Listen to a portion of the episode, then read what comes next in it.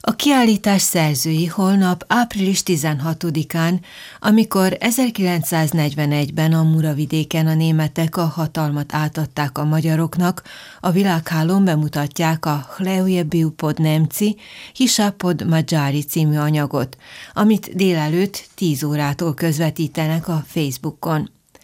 A német terv Jugoszláviát illetően az volt, hogy a szövetségeseik között osztják fel a területeket. Ennek értelmében a muravidéket a magyarok kapták meg. Holnap lesz 79 éve annak, hogy a németek ünnepélyesen ezt a területet Magyarország kezére juttatták.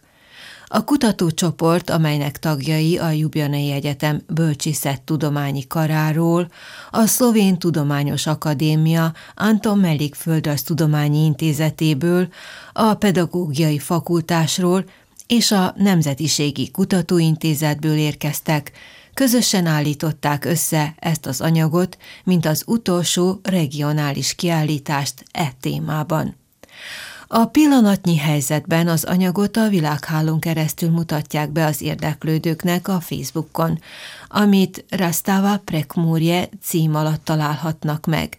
Az ehhez való csatlakozást a videó cím alatt találhatják meg a live felirat alatt.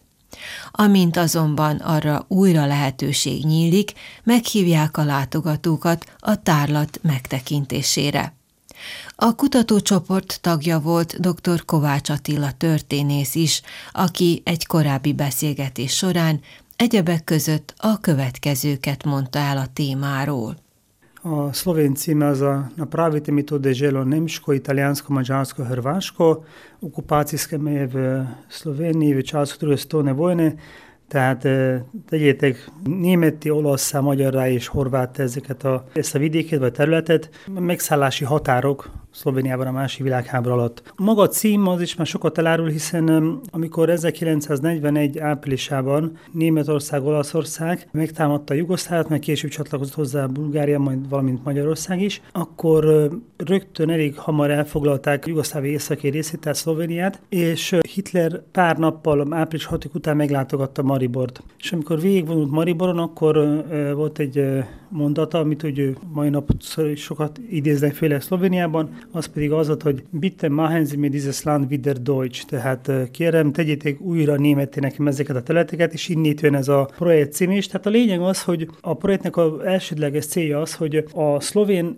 etnikai terület, a szlovénszki kultúrni prostor, a szlovénok szeretik ezt a kifejezést használni, de nézhetjük a mai Szlovéniát is, mind országot, ha bár a szlovén etnikai terület azért nagyobb, mint a szlovén államnak a határai, vagy a szlovén állam területe. Tehát ezt a területet a szomszédos államok felosztották maguk között. A nagyobbik részét, tehát azt mondom, hogy a mai Szlovénia központi részét, Gorenszkát, Lübena nélkül, illetve hát a Lübenáig húzott a határ, a mai Stájerország, valamint Karintiát, tehát a Koroskát, ezt a völgyet, a Mezsice völgyet Németország kapta, a nyugati, illetve délnyugati részeket Olaszország kapta, Dolénszkát, meg Notránszkát. Szlovénia keleti részét, tehát a Muravidéket pedig Magyarország kapta meg április 16-án, tehát 1941. április 16-án azzal a különbséggel, hogy észak-nyugaton, tehát a Muravidék észak-nyugati részén, tehát a Goricsko észak-nyugati részén három, illetve négy települést Németországhoz csatoltak, ez pedig Fiksinci, Kramarovci, Ocinye, valamint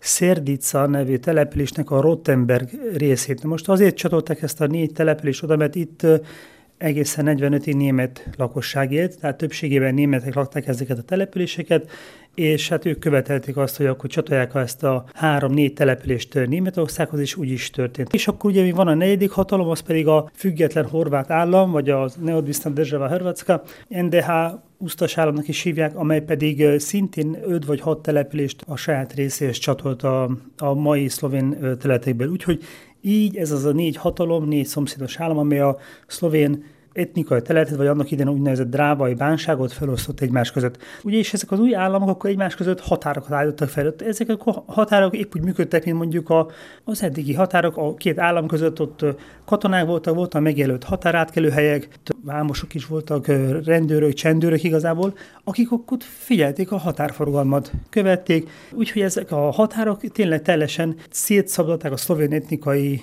testet, úgy mondván, a szlovén nemzetet. És a lényeg az, hogy egyrészt történelmi szempontból föltárjuk, hogy éltek ott az emberek a határ mentén, hogy működött a határmenti élet, hogy működtek a különböző megszálló erők, azt olyan szempontból mondom, a, a megszálló erőknek a hivatalnokai, hogy, hogy milyen kapcsolatlétesítettek a lakossággal, a határmenti lakossággal. Voltak határszakaszok, ahol szó szerint egyfajta ö, ilyen erődrendszert húztak fel, és nagyon komolyan ellenőrizték a határokat, úgyhogy nehéz az átjárás. Volt olyan eset is konkrétan, amikor egy, ezek a határok családokat szeltek ketté, rokonságokat, és akkor ugye próbáltak ezek a rokonok azért mégis minden eset kapcsolat tartani, aztán valaki ráftotta az aknára, és meghalt, mert aknásodtak is bizonyos területeket.